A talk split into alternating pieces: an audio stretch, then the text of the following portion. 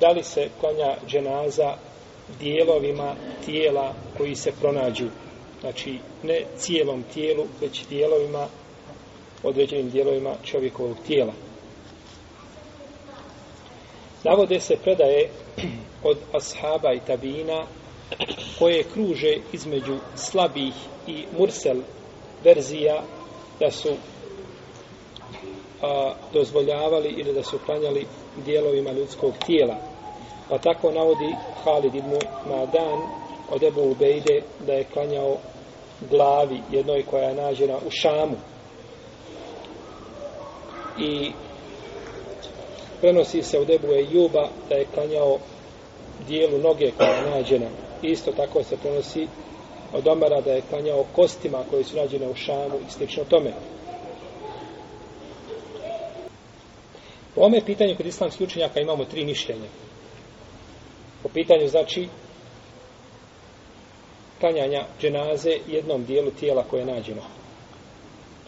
Prvo, da se klanja bio da je taj dio tijela manji ili veći. I ovo je stav imama Šafije i imama Ahmeda. I odabrao ga je Ibn Hazm. Drugo mišljenje je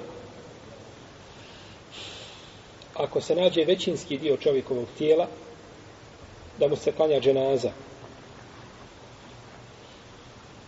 A ako se nađe manje od toga, manje od pola, znači dijela tijela, takvom se neće klanjati dženaza i neće se kupati. I to je stav Ebu Hanife.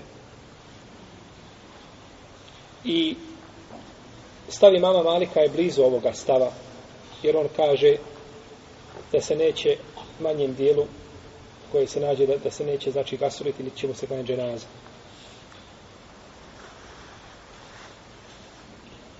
I treće mišljenje je da se neće nikako klanjati dženaza takvom ili tom dijelu tijela, to je stav Davuda.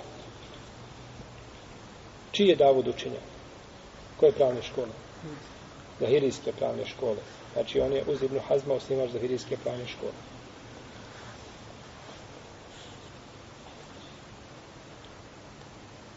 Allahu Teala alem da je dozvoljeno da se klanja dženaza ako se nađe jedan dio tijela.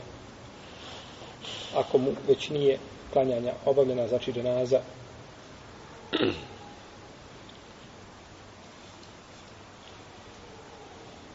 i da je dozvoljeno znači da se taj dio tijela okupa, ogasuli i da se stavi znači u kefine da se ukopa.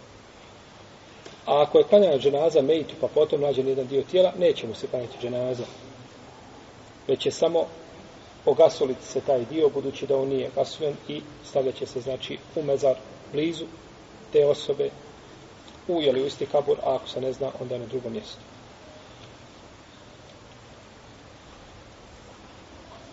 No, međutim, neće se klanjati dženaza ako se nađu dijelovi tijela od čovjeka, ako je on živ. Na primjer, čovjek, čovjekom izvršena šarijetska kazna i ostala šaka. Znači, hoće li se njoj klanjati dženaza? Neće, zato što je osoba živa.